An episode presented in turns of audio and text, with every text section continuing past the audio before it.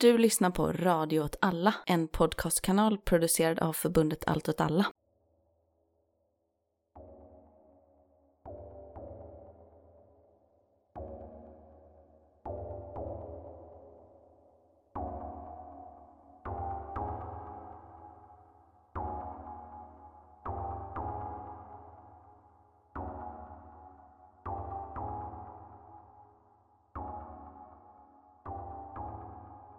Hej, välkomna till Eldrörelse. Udda krig och perspektiv. Med mig Martin Hansson och med dig Myran. Andersson. Precis. Igen känns det som att det var väl länge sedan vi såg så spelade in. Var det det? Nej. Jo, för förra gången sågs vi nog inte och spelade in, utan det var över interwebs. Just det, så var det. Det är därför. Är det bra med dig? Det är bara bra med mig. Ja. Du vill att jag ska berätta något snaskigt så Ja, att du kan så- håna det så kan vi få lite content i den här podden. Eh, nej, men jag har typ lyckats ställa tillbaka mitt dygn ganska mycket. Jag åt chicken wings och drack folköl i badet i helgen. Oj, det är väl Det kanske är det läget. konstigaste Hade jag du gjort. gjort chicken wingsarna själv? Nej, jag hade köpt dem på Döner Kebab. Godaste chicken wings. Har de bra chicken wings? Ja, men jag ser att de är helt okej. De är inte godast, absolut Men du köpte inte Döner Kebab på Döner Kebab? Nej, utan jag köpte en sex och en fyra chicken wings. Jag hade tio stycken liksom. Mm. Majonnäs på det. Riktigt gott. Droppa i majonnäs, ja. Ja, nej, det låter väl jättebra. Hur är det med dig? Jo, nej, det är sådär. Så jag är jävligt trött, sliten. Det märks att det är liksom januari, slut på januari. Svårt att komma upp på morgnarna, känner mig ganska energilös. Ganska stressad också. Jag har ganska många bollar i luften just nu. Ja, men hur är det här kopplat till januari? Låter det inte så här året runt när man frågar hur det är? Jo. Ja. Jo, men jag kan ju skylla det lite på att det är januari. Nej, men det är kallt och det är jävligt att gå upp och det är mörkt och så. Det är det faktiskt. Det tror jag jag märker av också lite kanske, att man har den här vinterdeppen av att det är så lite sol liksom. Ja, men det var så att du vet när det var covid. Vi hade ju covid båda två. Du Ja. var inte bekräftad, men för du sket ju att testa dig för du vill inte belasta vården. Det kan vi säga att det var. Så Belasta test. Eh, Ja, precis. Det var fullt. Ingen som gjorde sina tester och fick ju heller några testsvar, så det var ju Nej, just det. värdelöst. Nej men då var det så att det stod på 1177 så här, ja men som ju alla vet som har haft det, så här, men du ska vara hemma i minst sju dagar, var två dagar ska du ha mått bra. Ja, och när fan mår man bra? Ja, när fan mår man bara säger Så jag ringde 1177 så här, men jag har inte tänkt på att stoppa geväret i munnen nu på flera dagar. är det okej om jag går tillbaka och börjar jobba? Nej. Eh, men lite, visst du har väl rätt. Det är evigt, evigt gnäll på mig om att jag inte... Gnäll och gnäll, det är bara när man frågar. Jo, det är väl sant. Eh, då brygga här då. Några som inte mår så bra är nog spaningsförbanden i Ukrainas armé. De har mycket att tänka på, de är stressade. Ja, ja precis. Mm, De kanske mår skit på andra sidan. Det är nu de får skina liksom. precis. Vem vet? För det har ju skett en fortsatt uppbyggnad och fortsatt ökade spänningar, får man väl säga, mellan Ryssland och Ukraina. Och de var ju redan ganska höga innan, så att det bara rullar på liksom. Ja men så känns det ju verkligen. Som att spänningarna inte har lugnat sig sen vi pratade om det sist. Vilket ju var förra avsnittet och sen avsnittet innan det. Det väl som har hänt sen dess är väl att jag kanske får pudla lite. Mm. Jag har gått från nej det kommer inte bli krig till jag skulle nog säga att det mest troliga scenariot idag är att det blir krig. Ja, nej men det tycker jag låter rimligt, men det är väl också inte världens värsta pudel att göra att saker fortsätter utveckla sig och då så får man göra nya bedömningar Nej, nej. liksom. Nej, alltså jag skulle säga att jag tror att det är nu i veckan, eventuellt innan det här avsnittet släpps. Eh, Det är ju måndag idag. Om vi ska göra något litet svep innan vi börjar med kultursvepet då som utlovat, som kommer att handla om eh, studsande Disney-figurer. Så är det ju så att Rysslands utrikesminister Blinken hade ytterligare ett möte mm, i slutet av förra veckan, kanske till och med mitten av förra veckan, jag minns inte exakta datumet, men där jag kan ju börja lite längre tillbaka. Från början har ju Sherman, som jag bara kommer ihåg att hon heter så, vice utrikesministern för USA och sin ryska motsvarighet hade ju ett möte för snart tre veckor sedan. Där man eh, liksom inte riktigt kom fram till någonting och USA tog med sig de ryska kraven och skulle diskutera dem och då utlovades det också att de skulle komma med ett skriftligt svar. Det verkar inte riktigt ha skett och så nu har ju Blinken och Rysslands utrikesminister faktiskt träffats och haft ett möte och jag tror att det var i, i mitten av förra veckan. Heter han Lavrov? Det kanske han heter, Lavrov. Jag försöker inte uttala honom. Och det mötet, igen mynnade ut i att USA skulle inkomma med ett skriftligt svar på de liksom ryska kraven, men kanske också då någon typ av ny säkerhetsordning. För hela världen, bara sådär, nedskrivet på ett papper. Så hur ska vi dela upp hela världen? Ja, vi, vi föreslår att vi gör ungefär så här. Men det är också väldigt svårt att avläsa hur de här mötena går. Och det här tycker jag är ganska spännande, men att USA och Ryssland har helt olika förhållningssätt.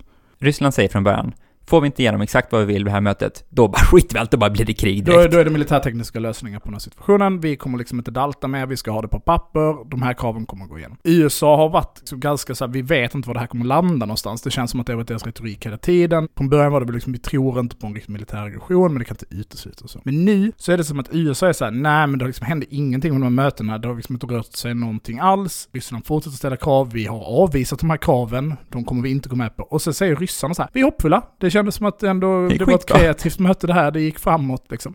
Man bara, men ni sa ju att ni skulle ha allt eller inget, så men det är konstigt. Så det finns ju något spel i det där. Men å andra sidan så ska man väl säga att idag, eller om det var igår, så gick Biden ut och sa jag tror inte vi kommer kunna stoppa en rysk aggression. Nej, okej. Vilket ju är så. Det säger man ju inte. Om man inte tror det. Om man inte tror det. För, för det första så är det ju så att det här är ju ett, en eventuell militär invasion av Ukraina är ett jätteproblem för USAs utrikespolitik. På många olika sätt. Visst, det kan finnas liksom så strategiska och långsiktiga vinster för USA med typ att Finland och Sverige närmar sig NATO och så. Men i grund och botten är ju det som händer att Ryssland visar att de dominerar, i alla fall den östra europeiska sektorn, militärt och politiskt.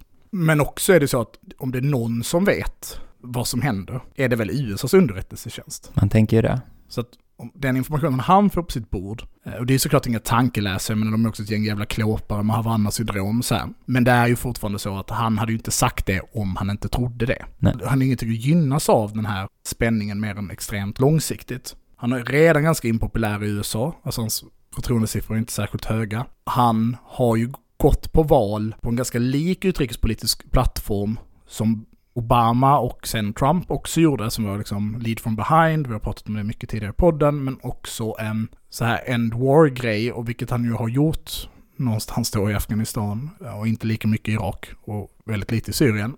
Och Air Sea Battle, alltså pivottingen mot eh, Kina.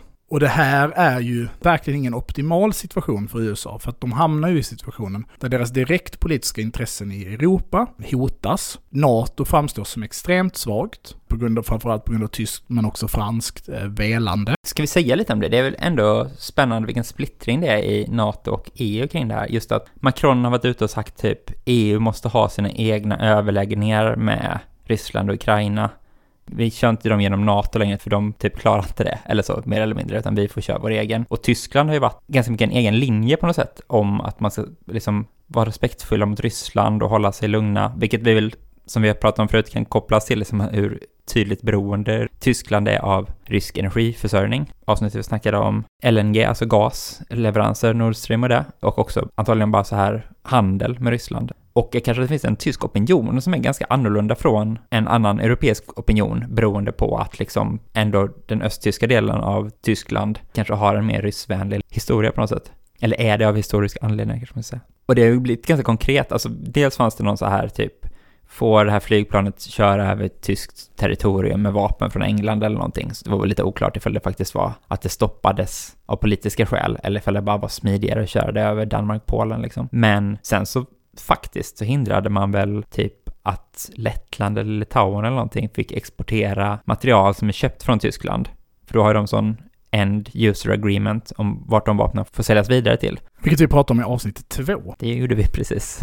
End user agreements. Ja, Ja. så ifall ni vill fatta hur det funkar ska ni lyssna på det. Och då var de så. Nej, men de vapnen får inte säljas till Ukraina. För att då kan de användas i anfallskrig liksom mer eller mindre. Mm. Det är kul, för det är verkligen samma fiende man har sålt vapen till. Alltså, att- Ja, ja, precis. man har sålt Man har sålt dem till Baltikum för att de ska ha dem ifall Ryssland kommer. De bara, skulle Ukraina kunna vara dem ifall Ryssland kommer? Nej, nej, det, har- nej, det är helt, helt, helt det skulle otänkbart. kunna bli krig. Det skulle inte fungera alls bra. Så kan man väl ha en generell idé om att liksom det är dåligt med krigsexporter och sådana saker, men det blir ju en uppenbar liksom dubbelmoral i det där då, när det får finnas i Baltikum men inte Ukraina. Liksom. Ja, precis. Och turkiska armén då. Som Ja, har precis. Ja. leoparder och G3 Jo. och Carl Gustav. På tal om Carl Gustav i den här situationen så är det ju också lite svensktillverkat ju. Så skickas till Ukraina via England. Just det. För det vapnet som har skickats där, Next Generation LA, Light Anti-Tank Weapon, NG-LA tror jag att man brukar kalla det, som väl i princip är liksom vidareutveckling av Robot Bill. Så det är väl Saab. Fancy shit. Det är ju inte Javelins, men uh, lite top attack, lite så låsa med laser. Det är toppattack också. Mm, men det är inte Javelin top attack, utan det är liksom snett uppifrån istället för rakt uppifrån. För alla våra lyssnare som inte är supermöpar då, vad är de här grejerna du just sa? Toppattack. Ja men top attack betyder ju att du- med, med hjälp av någon typ av avståndsbedömning och då styrning så har du på liksom ett stort rör som man skjuter Jaha, du vill att det ska vara så? men jag tycker vi kan okej, ändå Det här ner. är ju då, de är väl både Fire and Forget och Disposable. Alltså att Angela, det är liksom ett rör, en handhållen, du bär den med ett sikte på. Mm. Och det här siktet eh, markerar ett fientligt mål. Och sen så kan du skjuta det på två olika sätt. Du kan eller du kan skjuta på flera sätt, men, men framförallt så kan du skjuta ett där du säger du ska träffa det här målet och roboten skjuts iväg, låser på målet via den här lasermarkeringen du har gjort. Gissar jag lite om det funkar. Roboten stiger och sen dyker den igen i liksom en ballistisk bana, kan man väl beskriva det som. Vilket ju gör att träffen blir snett uppifrån. Vilket ju då tar bort till exempel vinklat pansar. Alltså att kinetisk ammunition när den träffar vars alltså, anslagskraft bara är ett resultat av hastigheten och vikten på projektilen. Då är vinkel väldigt viktigt för risken är ju både att kulan eller sabotten, pilen, speglas av, alltså den, den studsar helt enkelt. Det är också så att när du vinklar pansar så blir pansarbredden tjockare. Det blir liksom längre att ta sig i, vilket ju då på stridsvagn 103 för våra lyssnare, som i princip bara består av det, extremt vinklad pansar. Men har du då en träff som kommer lite uppifrån, dyker ner, så blir ju pansat platt så att säga i relation till den här Just till den här roboten då. Som ju då är en, det som då heter RSV, alltså riktad sprängverkan. Och den här är dessutom tandem, vilket innebär att Eh, Riktiga riktad sprängverkan kan väl beskrivas enklast som att du har liksom flytande metall in i ett rör som blir uppvärmt till sådana fruktansvärda temperaturer så att det bara bränner rakt igenom pansart i den här explosionen som sker. Och sen så skickas liksom det slagget in i vagnen, tänder eld på allting som är där inne och dödar det som är där inne. Så det blir väldigt små ingångshål, för det är liksom mer som en stråle kan man En säga. stråle av flytande supervarm metall. Som, det är så jävla... Eh, high-tech. Och tandem är ju då egentligen bara att du har flera sådana. Jaha, det kommer... Okej, shit. Så, som gör att om du har det som heter ERA, alltså Explosive Reactive Armor, alltså i princip att du sätter sprängämnen på dina stridsvagnar, som då spränger bort den här flytande, flytande metallen. Så, tar då första explosionen den, och det fattar jag inte riktigt hur det fungerar. Så på andra smällen så åker nästa stråle in liksom. Nej men och så har de också funktionen då att de skickar ut den här laserstrålen som mäter den av eh, på ett fordon som rör sig så låter man den ligga där några sekunder och sen så skjuter man roboten och så gör den en beräkning på var den ska träffa någonstans. Så att den kan liksom också på något sätt ha mycket högre träffsäkerhet att träffa fordon som rör på sig. Just det. Eh, Och sen har den ju såklart då förmågan att inte göra så kallad då top attack. De bara skjuter rakt på sig. Ja, direkt given eld. England har ju då skeppat ganska många, vad jag har förstått det, tusentals, pallvis. De har inte fått eh, flyga över tyskt eller så har de fått flyga över tyskt. Och det fanns ju någon liksom byråkratisk förklaring till varför det skulle kunna vara på det här sättet. Men precis som du är inne på det så finns det något väldigt spännande i den här brittiska agerandet i relation till det fransk-tyska. Som jag tror, precis som du är inne på, handlar väldigt mycket om att en ny typ av allians eller stormaktsblock håller på att eh, formera sig i relation till EU. Ett nygammalt kan man väl säga. Ja, Det amerikanska engelska liksom. Precis, tillsammans då med Australien, liksom en typ av Commonwealth-modell. Där England är väldigt noga nu med att profilera sig i den här konflikten. Och kanske särskilt Boris Johnson efter Brexit och så att liksom det här ska ju vara då att England har blivit en internationell storspelare genom att lämna EU snarare än att ha förlorat sin plats på något Mm. sätt. Och senast igår så var det väl att brittiska underrättelsetjänsten hade solida bevis på att de visste vem som skulle bli den liksom, juntan som Putin skulle tillsätta i Kiev efter ett eventuellt angrepp mot Ukraina och så. Det tar jag med en ganska stor nypa salt, även om det är ett ganska känsligt uttalande. Alltså all underrättelseinformation som kommer nu är ju bara så här. Det är fullt möjligt att Ryssland har en idé om vem de skulle sätta där ifall möjligheten ges. Det innebär inte att Rysslands plan är att sätta någon i Kiev. Vi kan väl komma till Rysslands planer senare. Men precis som du säger så har vi också den här franska och tyska agerandet som skiljer sig lite åt, men åtminstone gemensamt på det sättet att de ställer sig lite avvaktande till vad pappa NATO, alltså USA, på något sätt säger i den här frågan. Och det här tror jag att det är viktigt att komma ihåg att Frankrike har också en väldigt speciell relation, både till NATO, som är att de faktiskt lämnade NATO och inte är liksom en huvudsaklig NATO-aktör, utan hela tiden försöker peka ut sin suveräna egna linje, utrikespolitiska linje, typ Libyen till exempel. Och man ska också dra sig till minnes att 2008 så var det Frankrike, Sarkozy, som agerade medlare mellan eh, Putin och vinnarskallen Micke i Georgien. Och då kriget i Georgien 2008. Så är det Frankrike som träder in i den rollen. Och det har man ju sett tidigare, liksom, att Frankrike har fört en ganska hård linje med Turkiet, trots att de är med i NATO. Och generellt sett haft en, vad jag uppfattar som en lite slappare attityd gentemot Ryssland. En bara sak om det här brittiska vapenleveranserna så också. Jag tror att du skrev någonstans att det kanske också är lite så show för att man inte ger de vapnen som faktiskt skulle kunna stoppa en rysk invasionsförsök eller liksom attack utan mer sådana som när det väl blir krig så kanske det smäller lite hårdare och det som hade behövts är luftvärn och det skickar man inte liksom. Precis, jag skulle säga att inget av det som skickas till Ukraina nu förändrar på något sätt den liksom strategiska eller operationella dimensionen av konflikten. Ryssland kommer att vinna det här kriget om inte ja då USA eller Frankrike eller Tyskland eller något liknande går liksom all in och skickar sina egna trupper dit och börjar liksom massmobilisera. Och de vapnen som har skickats kan jag inte heller säga att de har någon liksom avskräckande effekt, eller någon deterrence då, att det på något sätt... Tröskeleffekt liksom. Tröskeleffekten är liksom att Ryssland så på något sätt skulle, ja men så här höga förluster är vi inte beredda på att ta. Även om det är också en fråga, den här liksom en rysk resiliens mot förlusten. Utan däremot så har de skickat vapen som är på liksom påverka den eventuella konflikten då på en taktisk nivå. Alltså att Ryssland kommer att förlora mer stridsvagnar än vad de har gjort. Nu är det ju spännande att då Baltikum, jag tror det är Lettland, har ju beslutat att skicka Javelin som de har fått av USA, eller köpt. Och Stingers som de har. De väljer alltså att skicka sitt krigsmateriel, alltså inte så självklart inte allt de har, men ändå delar av sitt krigsmateriel till Ukraina. Vilket jag tycker ger en ganska tydlig signal att de inte ser att Baltikum i sig är särskilt hotat i den här situationen. Just det, på kort sikt i alla fall. Ja. Det finns väl en uppfattning i Baltikum tror jag om ett generellt hot från Ryssland. Ja, jag menar direkt hot Ja, då, ja. liksom konflikten. Även om det inte är sådana kvantiteter så är det, det är ändå viktigt. Och, och då ska det också tydligt säga att det luftvärnet de skickar är också ett sådant luftvärn som på samma sätt som de här pansarvärnsrobotarna förändrar den taktiska dimensionen, men inte den strategiska. Så Ukraina saknar ju i princip både luftvärn och ett flygvapen. Just det. Och gör de det för att de inte haft ett sen Mm. Sovjet? Det är inte det att det har förlorats i Donbass eller något sånt här? Nej, alltså det kan det säkert ha spelat roll, men det är väl så nedmonterat som allting annat och 90-talet sålde väl det och sen är det väldigt utdaterat, det de hade liksom. Du säger så här, ifall någon skulle intervenera med att truppen skulle kunna avgöra det som USA eller NATO och så då. Och hur ser det ut med liksom uppbyggnaden på den sidan? Jag läste någonting nu om att Biden sa att de skulle skicka mer trupp till Polen och så. Alltså, Till östra NATO. till och med så att Biden inte hade sagt det här officiellt, men att typ människor nära honom hade anonymt gått ut och då vet man inte alls hur mycket det ligger i det. Men Att de börjat skriva, på något sätt var den bassas på väg. om det liksom. Ja, och, precis, och man kan ju tänka sig att det är så det kommuniceras i första ledet liksom, att det kommer sådana testballonger liksom. Jag tänker att vi kan liksom knyta ihop den här frågan lite med Gotlandsfrågan. Just det. För jag tänker att de liksom ändå hänger ihop på något sätt. Och då är det så här. För jag fick ju pudla mitt förra uttalande, och man ska aldrig säga aldrig. Men det kommer inte bli ett tredje världskrig över Ukraina. Mm. Ja, men det är intressant att du säger det, för det är ju någonting man ändå Ja. funderar på risken för liksom. Och det är för att det är så himla tydligt att ingen har gått in och lagt det hotet. Och det är ju det jag menar att tysk, fransk, amerikansk, brittisk trupp som är så här. Nu skickar vi en pansarbrigad till Ukraina som ska hjälpa till att stoppa ryssarna. Mm. Så att om ni kommer så kommer det bli krig mellan USA och Ryssland.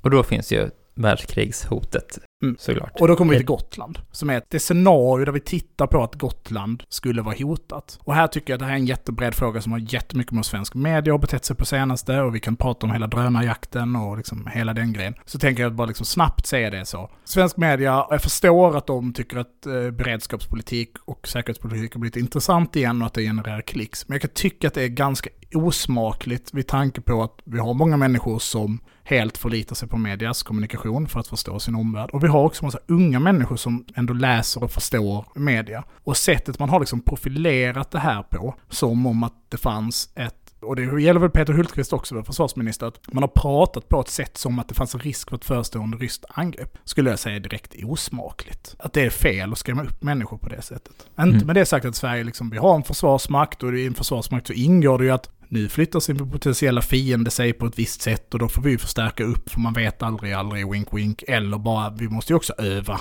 på att förstärka upp Gotland och då är det ganska lämpligt att öva när vår fiende övar, vilket ju alla förstår är Ryssland. Övar på att transportera stora mängder eh, marinkorister eller då liksom landstigningstrupper. Ja, då är det väl rimligt att Sverige övar på det. Men då får man ju säga det och inte vara så här, ja det är oroligt i Östersjön så vi förstärker upp Gotland lite så här. Om det skulle bli ett krig mot Ryssland så hade jag förutsatt att sättet vi hade fått reda på det hade varit ett direktsänt tv som klippte alla svenska kanaler samtidigt. Där det var så, nu gäller partiell eller fullständig mobilisering av svenska befolkningen. Alla människor som har genomfört värnplikt de senaste tre åren är inkallade till sina krigspositioner. Alla som jobbar i kommunal verksamhet. Alltså, det är inte så här, titta vi sätter lite jävla luftvärnskanoner på Gotland. Det är inte så när någon på riktigt tror Nu kommer det bli krig. Det kan eventuellt bli krig Mm. Alltså, det- hade varit oansvarigt på nivån alla i regeringen måste avgå omedelbart. Att någon på riktigt sitter och säger, men vi kalkylerar är 10% chans att det blir krig mot Ryssland. Mm. Och inte är så. Alla bilar som svenska staten har rätt att rekvirera vid krig, alltså du vet, liksom, förstår du den liksom, organisationen det skulle innebära? Och är det inte läget så är det ganska fult att prata om det på det sättet. För att människor blir ju jätterädda. Och Mm. framförallt barn och unga blir ju, alltså är så här, "Ö, vad, ska det bli krig nu? Ska Ryssland bomba oss? Och då är så, vilket scenario har vi där Ryssland tar Gotland? Östersjöns Gibraltar, Sveriges hangarfartyg. Men jag kan bara se ett enda scenario där det är relevant och det är ju vid en fullständig drabbning med NATO på grund av att Ryssland har tagit Baltikum. Ja, precis. Ett krig i Baltikum måste ju vara. Ja, och då är det ju krig med NATO. För då aktiverar NATO-länderna i Baltikum, femte artikeln, och då är resten av NATO-medlemmarna, alltså i princip hela västvärlden och i princip hela västra Europa, tvungna att behandla det som om de själva var angripna. Ifall de ska hålla sina löften. Ja. Absolut. Och då, varför vill man ta Gotland? Jo, man vill ta Gotland av två anledningar. Det är ganska lätt att hålla Gotland. Så att man kan ta Gotland och så kan man sätta strategiskt luftvärn på Gotland och då kan man stänga av jättestora bitar som kan skjuta ner flygplan, framförallt hota flygplan som flyger från Norge eller från Danmark till Baltikum. NATO-länderna, Norge Ja. och Danmark. Mm. Eh, Man kan också sätta robotar och det tillsammans med sjömålsrobotarna i Kaliningrad, vilket ju lite gör att de är rätt meningslösa att sätta på Gotland. Men det är klart bra att diversifiera sina liksom, positioner. Kan se till att inga fartyg kan åka in i Östersjön. Vilket också är ganska bra ifall man vill skära av Baltikum. En mer effektivt ställe att ta för att sätta luftvärnsrobotarna på, vilket jag tror är liksom den riktiga grejen, det är ju Åland. Och Åland är också en demilitariserad zon. Du får liksom inte ha styrkor på, på Åland. Så det är noll soldater på Åland. Nu kan man inte då säga att Åland är en massa små öar och därför är det krångligt och sådana saker, men det kanske väger ganska lätt mot att det inte är några Det, militärer. det är noll soldater på Åland. Ja. Och som ju strikt sett stänger av flygplan från Norge och Finland betydligt bättre än, Mm. än Gotland. Men det är klart, du får inte Kaliningrad-grejen, men du får den liksom lite grann, för framförallt så skyddar du inloppet till Sankt Petersburg. Skitsamma, då är situationen, då fick vi en fråga. Vad är Sveriges möjlighet att försvara Gotland? Vi fick den här frågan från en lyssnare. Är från en lyssnare. Ja, och då är det ju så här, noll. Mm. Och nu, nu ska jag inte vara så här defatist, lärare säger jag ger mig på ryska, men den är noll. Varför säger du det då? Alltså den är noll, förutom i ett par olika väldigt specifika situationer där liksom den ryska armén är allvarligt hotad. Men för att det är en jävla ö, Mm. så det innebär ju också att det är inte hur stort som helst. Du kan inte utnyttja förflyttning, vilket gör att alla positioner, det kommer liksom börja med, och det kommer Ukraina också börja med, det kommer börja med lite instabilitet. Det skakar på något sätt. Det kan vara cyberangrepp, det kan vara terrorism kanske. Mest troligt det som händer är väl en påstådd provokation från Ukrainas sida, framförallt då kanske riktad mot Donbass eller vid belarusiska gränsen, eller Krim. Men sen så kommer någonting hända som vi är liksom väldigt ovana vid. Och det kanske är ovan, vi är ovana vid det för att de enda krig vi riktigt har sett i vårt levnadstid, som vi har fått följa på det sättet, det är ju Irakkriget.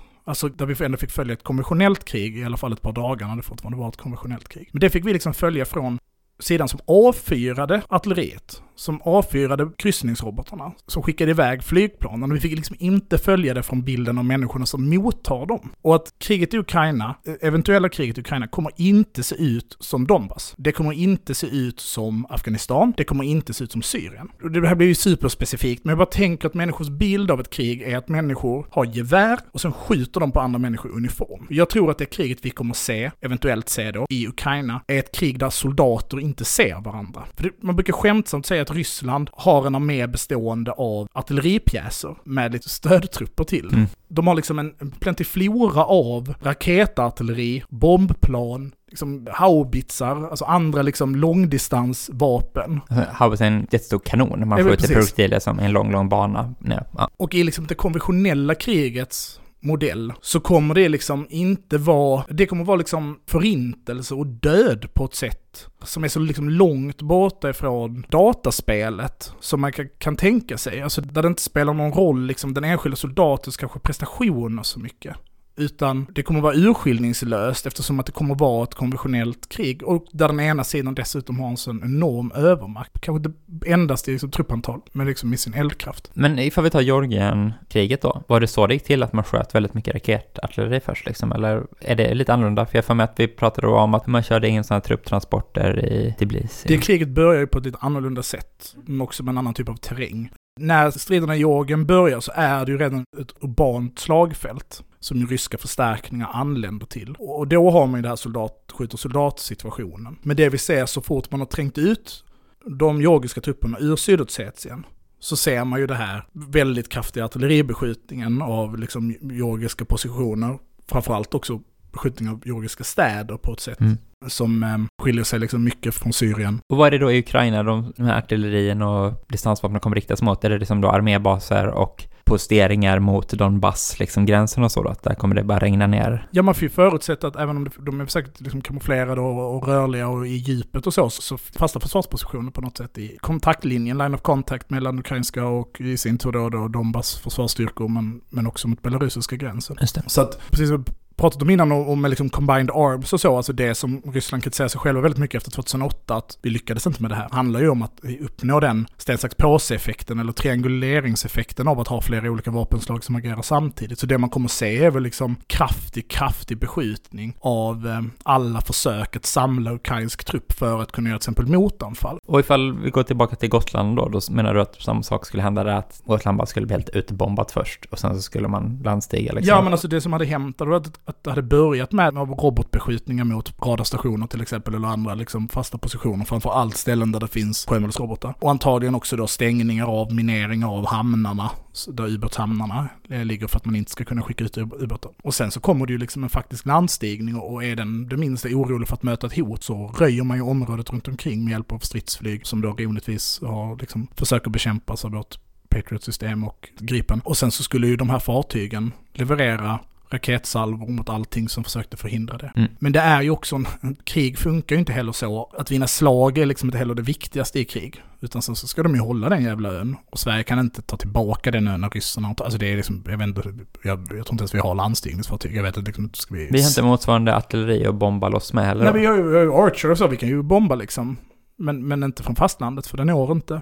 Men däremot så har vi ubåtar till exempel, som kan sänka alla förnödenheter, alltså alla fartyg som ska komma sen. Så det är Ja. också så. Men det är inte det viktiga. Vill Ryssland ta Gotland, så vill de ju det. Och det är ju här då tröskeleffekten blir en fråga. Till liksom den debatten så är det ju så att tröskeleffekten gör ju att Gotland är ju bra att ha. Men det är inte gratis att ta? Nej, och är det inte så- gratis att ta så blir det ju som att det inte är så bra att ha det längre, utan Nej. då är det ju inte värt det. De hade till exempel ha Åland, gratis då? som är gratis att ta. Och det är också det att det skulle innebära att man hade försatt sig i krig med Sverige, vilket ju är någonting som man i alla fall i dagsläget ser ut att kunna. Alltså det är ju lite konstigt hela debatten nu, för att nu är det som att å ena sidan så är Ryssland så här, åh vi är så nöjda med Sverige, och sen är de så här, vi är jättemissnöjda med Sverige, varför, varför håller ni på att trupper på Gotland? Vilket också är skitroligt. för att det verkar det så här, men Ryssland, ärligt talat, vi har skickat typ 100 pers till Gotland. Tycker ni att man får en åsikt om andra länder? För då har ju vi en grej vi skulle vilja prata om, som är de här 100 000 soldaterna, som ni dessutom har i ett annat land än ert eget. Ja. Men det finns ju så många liksom, dimensioner av den här konflikten, och jag tror det är viktigt att komma ihåg att liksom, Rysslands huvudsakliga mål är ju att lyckas göra detta utan krig. Mm. Och det tåget har inte gått än. Den andra saken som är viktig att komma ihåg är att Ryssland förstår ju väst utefter vad väst har gjort i tidigare situationer.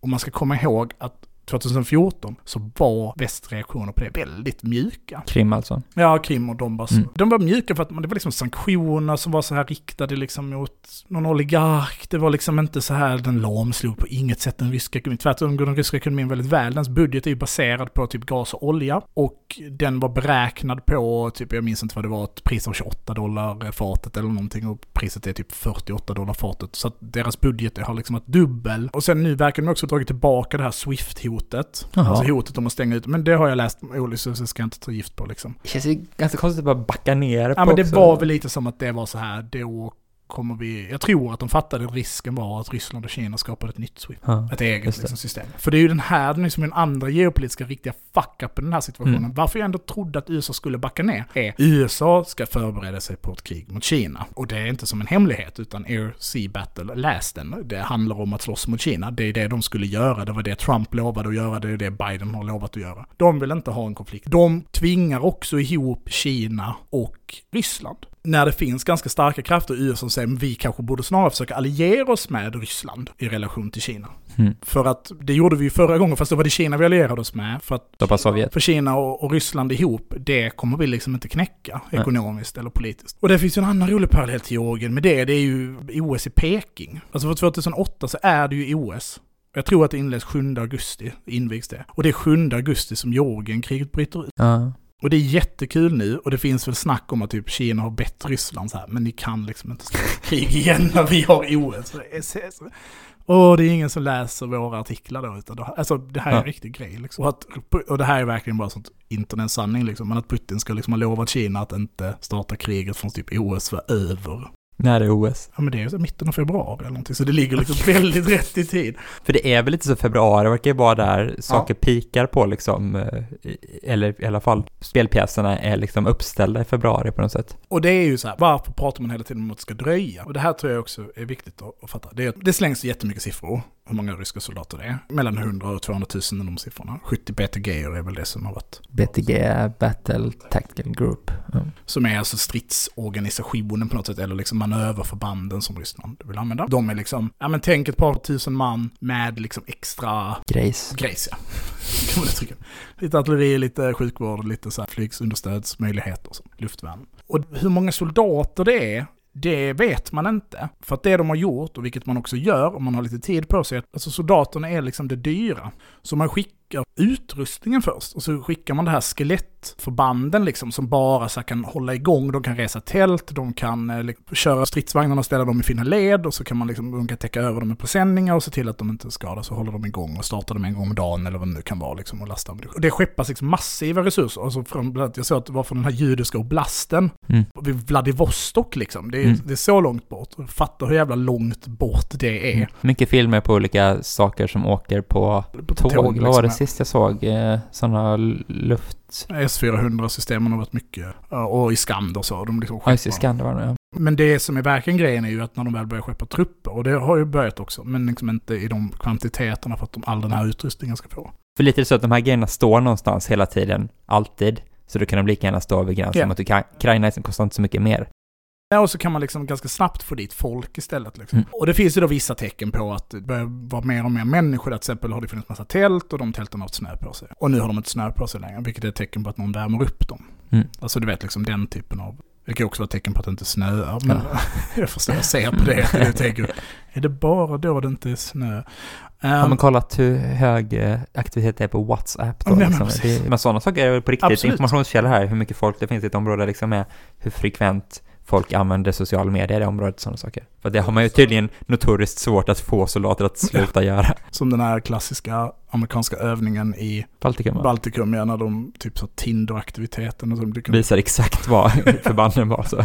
Men, ehm, men det här är väl liksom situationen någonstans som är så himla komplex och att det allting handlar om är ju verkligen den här intressesfär, ska vi gå tillbaka till stormaktspolitik? Och jag tänker att det kan ändå vara värt att liksom säga liksom någon åsikt i den här frågan, vad jag tänker om, jag vet inte om någon på det som det egentligen, men för min egen skull när vi pratar om krig väldigt ofta objektivt, eller liksom objektivt, men försök till någon typ av ganska känslokall och analytisk bild av de här väpnade konflikterna. Så, så är det så. Men så för det första så är jag konsekvent motståndare till krig. Jag hoppas verkligen, verkligen inte att det ska bli krig i Ukraina. För det andra så, men jag tycker fruktansvärt illa om NATO och NATOs medlemmar och USA och så vidare. Men samtidigt är det så att det finns en principiell fråga i det här som är så att Ryssland har faktiskt inte att göra med Ukrainas inrikespolitik. Och det är ju såklart en liberal åsikt i grunden, liksom om liksom nationen och så. Men motfrågan blir, varför ska Putin bestämma över Ukrainas befolkning? Nej, men. Istället för någon lokal... Därför jag är för liksom, mer demokrati Ja. än vad vi har idag. Och jag har ju mycket kritik mot Ukraina och framförallt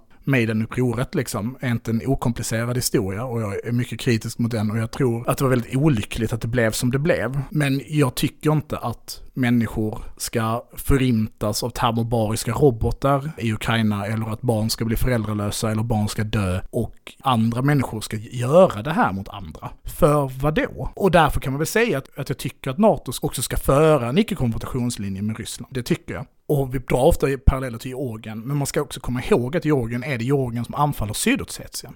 På grund av att vinnarskallen gapade efter lite för mycket. Liksom. Men samtidigt då ur det här liksom krassa analytiska perspektivet så befinner vi väl också oss i en situation där på samma sätt som när vi pratar om Kina i det här liksom 100 år av förnedringsrån så är det ju också så att den makten som de här, i, i det här vansinniga samhällssystem som vi har valt, som USA då har rätten att ha, som till exempel blockaden mot Kuba, vilket är liksom direkt omoraliskt och förkastligt. Varför ska det kubanska folket behöva lida liksom för USA inte tycker om sättet Kuba styrs på. Eller hur liksom Syriens barn inte kan få mediciner eller mat, eller Iran eller vad fan som helst. Som ju är länder som där liksom Assad eller ayatollah så kan ju verkligen dra åt helvete och dränkas i piss. Det skiter jag i liksom. Men att de här har konsekvenser för människor. Men, men USA har rätt att föra en typ av maktpolitik i världen som inget annat land ges rätten att göra. Och det, idag, det kom ju verkligen som brev på posten att Putin var så här, ah men vi kanske ska prata lite om eh, interkontinentala ballistiska robotar med Venezuela och Kuba. Mm. Och det här, det kan man också säga bara som,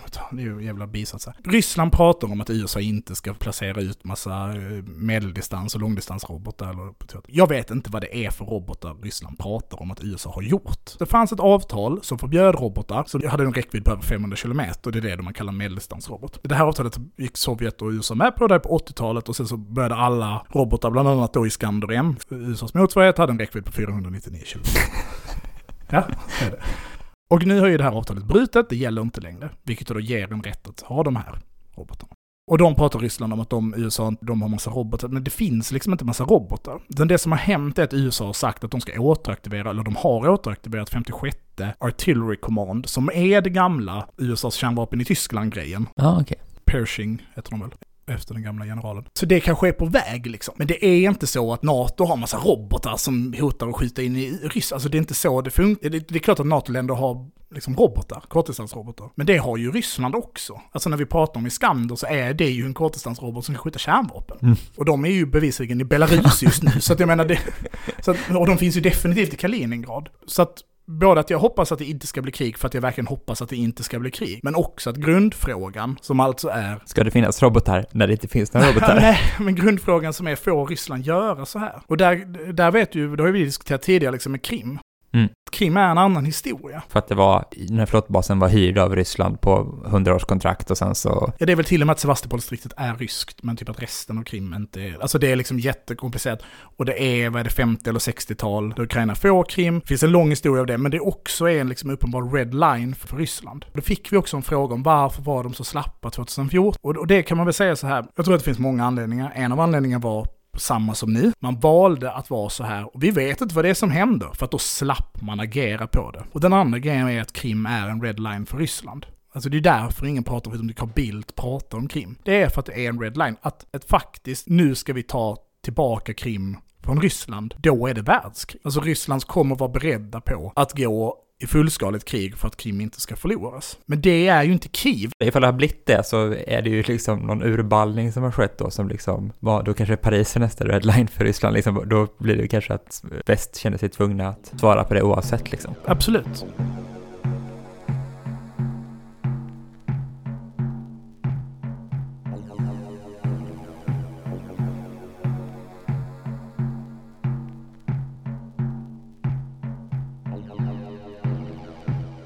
Jag har ju fått ett nytt intresse sedan ett år tillbaka Mm. eller någonting, som jag ändå tänker spela in här på något sätt. Men jag kan ju inte så mycket om det här egentligen liksom. Men jag, jag tycker mycket om att kolla på kartor över då olika hangarfartyg, framförallt de här hangarfartygen man kallar för supercarriers. Vad skiljer de åt? Ja, det finns ju inte riktigt någon bra definition där, när ett hangarfartyg blir så stort att det är en supercarrier. Men det är ju bara liksom, större hangarfartyg får plats med fler flygplan på. Säg mer då än 30 sådana flygplan får plats. Då börjar det bli ganska stort hangarfartyg. Och det är ganska få länder som har sådana. Är det det som är supercarriers?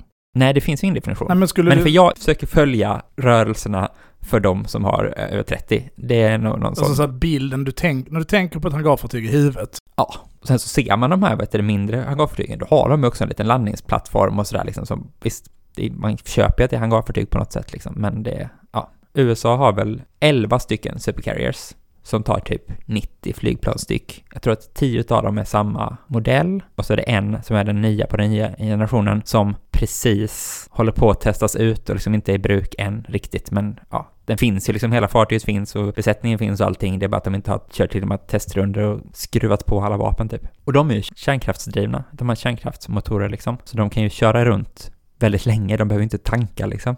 Och de går ju snabbare än vanliga fartyg på de här superstora fartygen. Men det har liksom USA 11 stycken. Kina har två större hangarfartyg och liksom en är en gammal rysk de har byggt om. En är en, de har försökt bygga en kopia av den och nu precis i år kommer de antagligen sjösätta sin första supercarrier.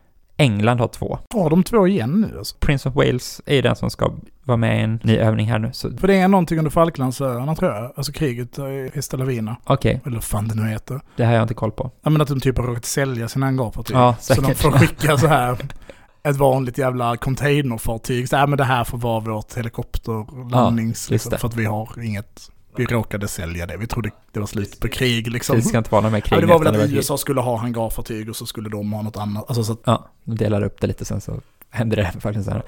Jo, precis. Och båda Englands är väl ganska nybyggda. Vad heter den? Queen Elizabeth är det första då som kom för ett gäng år sedan. Och nu Prince of Wales, som sagt, är sjöfärdigt nu i år liksom. Eller färdigutrustat och färdigtestat. De går ju inte på kärnbränsle, utan de drivs ju på stora dieselmotorer istället. Frankrike har ett, Charles de Gaulle, som är kärnvapen. Nej, som är kärn... kraftsdrivet. kärnkraftsdrivet. Men det är bara det är Frankrike och USA som har kärnkraftsdrivna. Indien har en skitgammal som är askass och som de typ aldrig kör runt med för de är rädda att ska sjunka och ett nytt som inte riktigt är färdigt. Ryssland har ju den här Amiral, vad fan heter den? Ja, som de använde i Syrienkriget, men som hela tiden typ går sönder på olika sätt. Den körde genom hela Medelhavet och det bara rök, jättemycket svart rök ur den och sådana saker. Och sen så har man kört upp den för att lagas i någon docka och så har det gått till helvete flera gånger liksom. Det har typ rasat ner en stor byggkran i den så att de fick så här ägna ett halvår blir att så är det sabotage liksom? Eller förstår du vad jag menar? För Men att det verkar som bara nu det bara typ- exploderar, nu exploderar något ammunitionslager på den och sånt. Visst, det skulle ju kunna vara, men- men det kan ju också bara vara ett uttryck för att även hur, hur mycket på uppgång Ryssland är i ekonomiskt och så, så är det ganska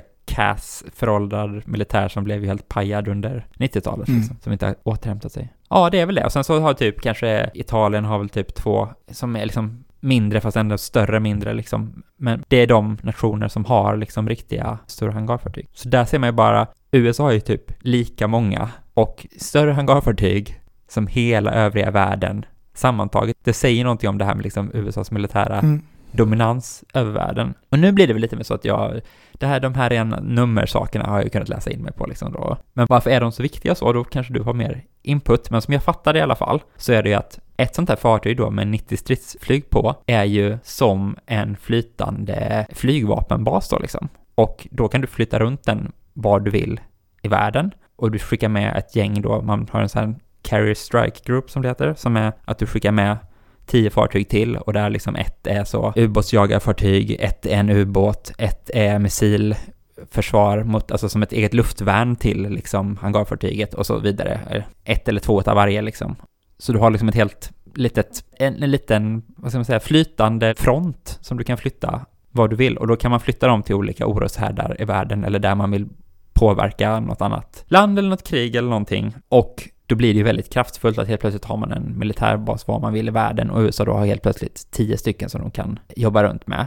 Och jag antar att de matchar typ mindre länders hela militärer mer eller mindre liksom så att USAs militär kan var som helst i världen liksom gå upp och matcha olika konflikter. Jag tror att det är en jätte, alltså det är självklart en, en jätteviktig bit att de kan projicera makt även på liksom marken på något sätt i, markstrid. Och att de kan också då kombineras ihop med marinkåren då så att du kan också liksom få soldater som landsätts och skyddas. Sen är det också så här att efter andra världskriget, eller i och med andra världskriget, så är det också att hangarfartyget är det mest liksom potenta örlogsfartyget i relation till att sänka andra örlogsfartyg. Just det. Alltså att slagskeppen, fast de är så fantastiskt balla med sina liksom 8 200 cm kanoner som liksom skjuter gigantiska skott. Så är det så att flygplan med robotar är chipkillers liksom. Och att det gör ju också att en av de strike groupsna är ju ett jättehot mot i princip alla andra länders hela flotta.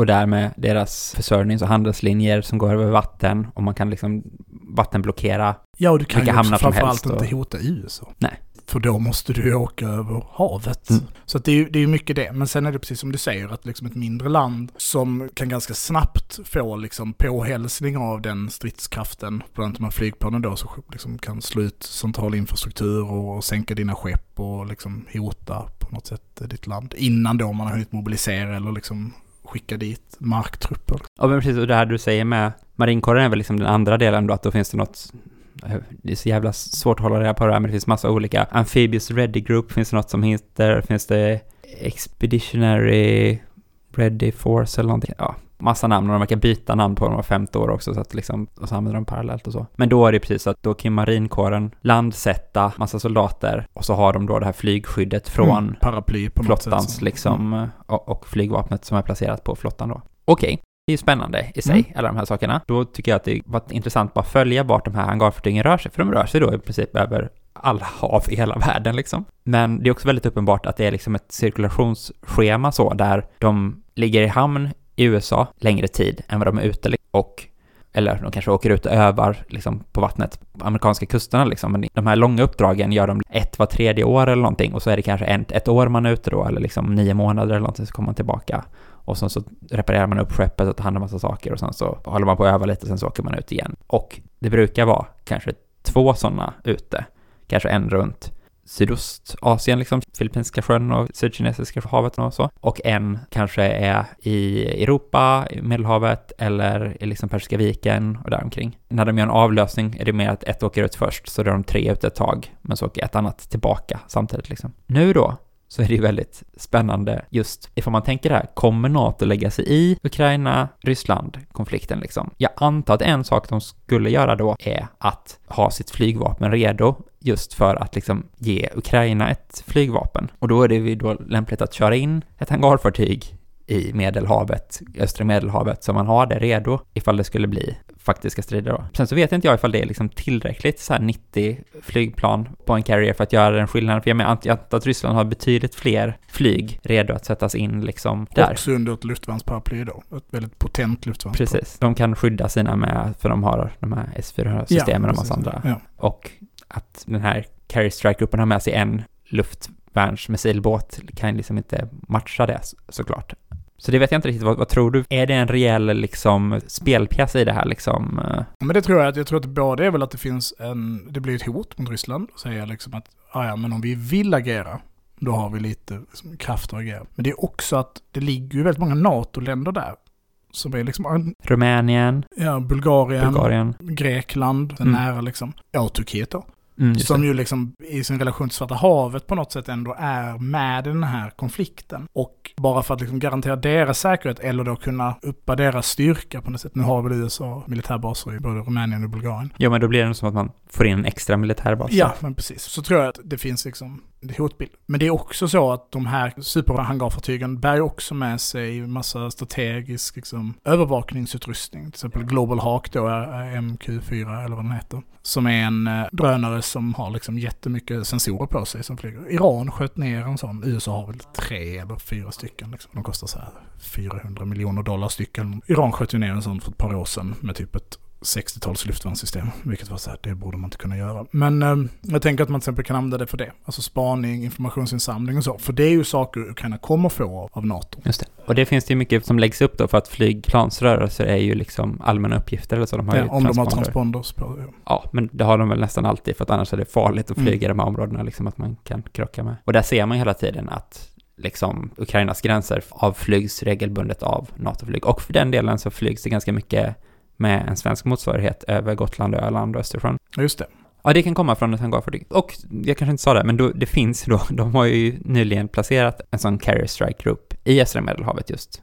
Eh, mellan Grekland och Italien har det rört sig liksom. Som heter Harry S. Truman, Mm. heter skeppet. Så det är ett. Samtidigt så har man två stycken nu som är i Sydkinesiska sjön. Och det är en annan intressant aspekt av det här. För att utöver de två som är där nu så finns det också ett hangarfartyg som är stationerat i Japan, ett amerikanskt. Det är också en intressant grej att ett utav de amerikanska supercarriers hemmabas är alltså i Japan. Så där finns det liksom potentiellt då tre sådana hangarfartyg i den regionen. Och det är ju intressant då i liksom relation till då, okej, blir det krig mellan NATO och Ryssland? Kommer Kina passa på att göra moves med Taiwan? Vilket ju precis som vi pratade om här förut, USAs hela liksom förståelse av världspolitiken framöver är ju att det kommer hända, liksom, eller Kina kommer försöka expandera i Sydostasien på olika sätt, kanske inte bara invadera andra länder, men utöka sin makt och sin egen produktionsförmåga av makt, precis som, som USAs hangarfartyg som just har, har spelat den rollen liksom. Och det är de här, de bygger de här baserna på Spratleyöarna till Mm. exempel, att de bygger liksom artificiella öar på rev som kan vara missilbaser. Som deras Gotland liksom då, bygger Och de, bygger liksom. För, herregud. Eller Då kan man ju kontrollera hela världen. Tänk att man kan ha hur många Gotland man vill. Det som Ja, är så men- viktigt. kanske med att de är lite mindre sådana åländska kobbar då, men Varför bygger inte Ryssland bara ett nytt Gotland? jag tror att det är för att det finns inte sådana korallrev Ah. i Östersjön, utan det är bara i... Ur ett ekologiskt perspektiv, vad tycker du? Nej, men det är ganska kass. Det är ganska jag, kass. tror, Är det det den officiella jag tror att det är min officiella ekologiska linje, det, det är nog kass. Det är kass. Men, Men, men det är väl väldigt intressant då att då är det liksom potentiellt fyra hangarfartyg som är ute nu liksom. och det ska det liksom inte vara. Det är, eller i alla fall inte jag sett har det varit förut. Och alldeles nu igår så gick George H.V. Bush, USS George H.V. Bush, alltså Bush den äldre, som de har döpt ett hangarfartyg efter, gick ut från deras flottbas i Virginia, där de flesta av deras hangarfartyg möjligtvis ligger. Nu kan det vara så att det bara gick ut, få köra runt en sväng i vattnet och köra in igen liksom. Men ifall det också är på väg över Atlanten till Europa, då är det verkligen så en exceptionellt, exceptionell situation av amerikanska hangarfartyg som är ute. Utöver det är dessutom då franska carriern Mm. i Medelhavet och ska göra en övning tillsammans med den här amerikanska Harry Truman, tillsammans med Italiens två mindre hangarfartyg då, samtidigt som i februari så är det planerat en övning i Norska havet där när brittiska Prince of Wales ska göra sitt första liksom riktiga NATO-övning tillsammans med Harry Truman också. Så egentligen ska den då segla ut i Medelhavet och delta där. Men det blir som, det börjar närma sig att det kanske är så här typ åtta NATO-anslutna carriers som är ute aktiva samtidigt. Så om man ska ha så här riktigt krig någon gång, då ska man väl göra precis det här, köra ut alla sina mobila flottbaser istället för att ha dem hemma vid USAs kust liksom. Mm. Och det gör man väl antagligen inte kanske bara för att man tänker också bara nu fan, nu ska vi köra, nu ska vi kriga mot Ryssland, utan eventualiteten också så här, nu finns den här uppbyggnaden, nu finns den här risken, nu finns den här spänningen, då ska vi vara beredda Ja, fall, liksom som man övar lite med det och skickar trupper till Gotland. Men å andra sidan kanske de är lite tidigt på det. Om de ska hänga där en månad nu liksom. Ja, fast det klarar de väl. Mm. Ifall de kan ha nio månaders liksom deployment vanligtvis så klarar de ju en månad liksom. Nej men jag tänkte att om de ska upp i Norska havet så känns det som att den övningen får avblåsas ganska snart ifall... eh, Det blir väldigt intressant att se då ifall de faktiskt... Det kan man se som en tydlig indikator på hur de tror att vinden ska blåsa. Ja. Om, eh, om den övningen eh, skjuts upp. Ja, och ifall den inte skjuts upp, men att det här då, eh, George Bush-fartyget åker dit istället. För det är ju också en ganska tydlig indikator att vi kunde inte släppa Truman från Medelhavet, utan vi var tvungna att ta ett annat. Just det, det kan ju vara målet med det. Men det är också samtidigt spännande då att maktproduktionen är fortfarande tyngre mot Kina. Eller i Kinas i alla jag- fall närhet, trots den här liksom väldigt- uppskruvade situationen i, i Östeuropa. Liksom. Väldigt intressant att tänka på det, liksom att man kanske är mer rädd för vad Kina ska passa på att göra ifall det smäller i Ukraina, än vad man är rädd för Ukraina. Liksom. Och fucka upp eh, OS då. Ja, just det, precis. Åh nej, de har gjort det mot sig själva. Kina, Kina har en egen plan om att liksom ta alla gisslan i Ja. mm, OS. Jag tror inte det är sådär jättemånga västledare som kommer att åka på eh, OS i Peking. Nej, Sverige ska väl inte göra det för att officiellt det är covid, medan typ Norge eller vilka det är så bara, nej men vi bojkottar. Men vi, vi ska möta med talibanerna istället. Så Ja, vi, vi, vi kan inte komma tyvärr. Ja, nej men jag känner att eh, det här försnacket på en och en halv timme kanske får eh, cut it for today, som man brukar säga. Du tycker inte vi ska snacka om Bumbibjörnarna? Ja, Men jag tänker att vi får skjuta på Bumbibjörnarna till framtiden. Vilken tease! Det är verkligen en tease. Ja, ja, men inte mig emot. Alltså vi... Eller så vi stryker hela din supercarrier-grej och så kör vi Bumbibjörnarna där istället. Tycker du de var så kass? Nej, det tycker jag inte. Ja, Därför ja. tycker jag att vi ska ta Bumbibjörnarna, men det är de två valen du har. Nej men då, då tycker jag vi stryker Bumbibjörnarna så länge. Då gör vi skjuter det på framtiden. Ja, ja. Det är väl det här folk vill höra också. det är jag jag antar att det är det här folk vill höra. Även om jag hade ganska heta takes på... eh, Du har det? Jag har inte, jag ska fan gå hem och också ställa att jag har ett text på... Nu kommer jag inte ens ihåg vad han heter. Vad heter Torulf. Torulf. Torulfs eh, tips och tricks till Torulf Ja, för ja. hur han ska steppa upp sitt, uh, steppa upp sitt game. Eh, tack så jättemycket för att ni har lyssnat. Shoutout till Pastor Hansson. Jag vet inte om det är han som eh, klipper dagens avsnitt, men oavsett, han klippte förra. Stort. Eh, jättestort tack. Tack. Kul med lyssnare. Hoppas att jag har mindre bollar i luften så att man kan grotta ner sig riktigt ordentligt i något. Till exempel Bumbibjörnarna. Ja, men eh, vi brukar säga vid det här tillfället, följ oss på Facebook. Eldrörelse heter vår page. Mm. Kolla på våra respektive Twitters. Jag heter att slukhall. Jag heter attrojkan1337. Man kan följa det eminenta Instagram-kontot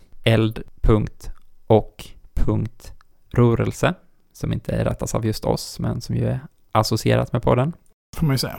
Det är väl poddens konto, bara att vi inte sköter det, eller på något sätt. För att vi liksom. hade förstört det. vi, vi, vi kan inte ha något som är inte- fint. Nej. Shout out till kontorattaren. Shoutout till allt fint jag har förstört. Ge massa pengar till allt åt alla. Det inte finns bara en pengar, Patreon. även saker. Ja. Värdefulla saker du har. Fast vi tydlig med det. Små värdefulla saker som går lätt att sälja. För att ifall folk ska bara rulla dit olika så här, typ klotgrillar och sånt i lokalen. Det är inte värdefullt. Fan vad fattigt liv du lever. Jag tänker mer så här. Någon En Webergrill? En, en Webergrill. Jo, jag tänker mer så här. Om någon sitter på en sån vintage leksakssamling som man kan kringa av för 450 000 liksom. Om den tar plats, det är lugnt. Det är okej. Mm. Skeppa dit den med lastbil, det löser sig. Absolut, det löser vi. Men också människor. Alltså man har människor med värdefulla kompetenser, lura Just dem. det. Du, jag trodde du skulle gå in på människohandel här ett kort sekund. nej, tänkte, det, det, här, nej, det här kan jag inte stå för. Konsekvent motståndare till människohandel. Det är jag emot. Men liksom lura dem. Vad, vad tycker du om kapitalism? Jag är ju kritisk. Kritiskt stöd, som Zlatan brukar säga. Kritisk. eh, Kritisk kritik. kritisk. eh, Jag har en... Kritisk teori som... Jag har en kritisk teori mot, Mm. mot kapitalismen. Men som vanligt är sakerna ett arv. Behåll dem. Då tycker jag att du, du har fått dem och de har ett emotionellt värde för dig, så behåll dem. Jag tycker tvärtom som vanligt. Mm. Vi, det, med de orden kanske vi ska Ja. sluta. Tack så mycket för att här ni har lyssnat. Ha det gött. Hej då. Hej då!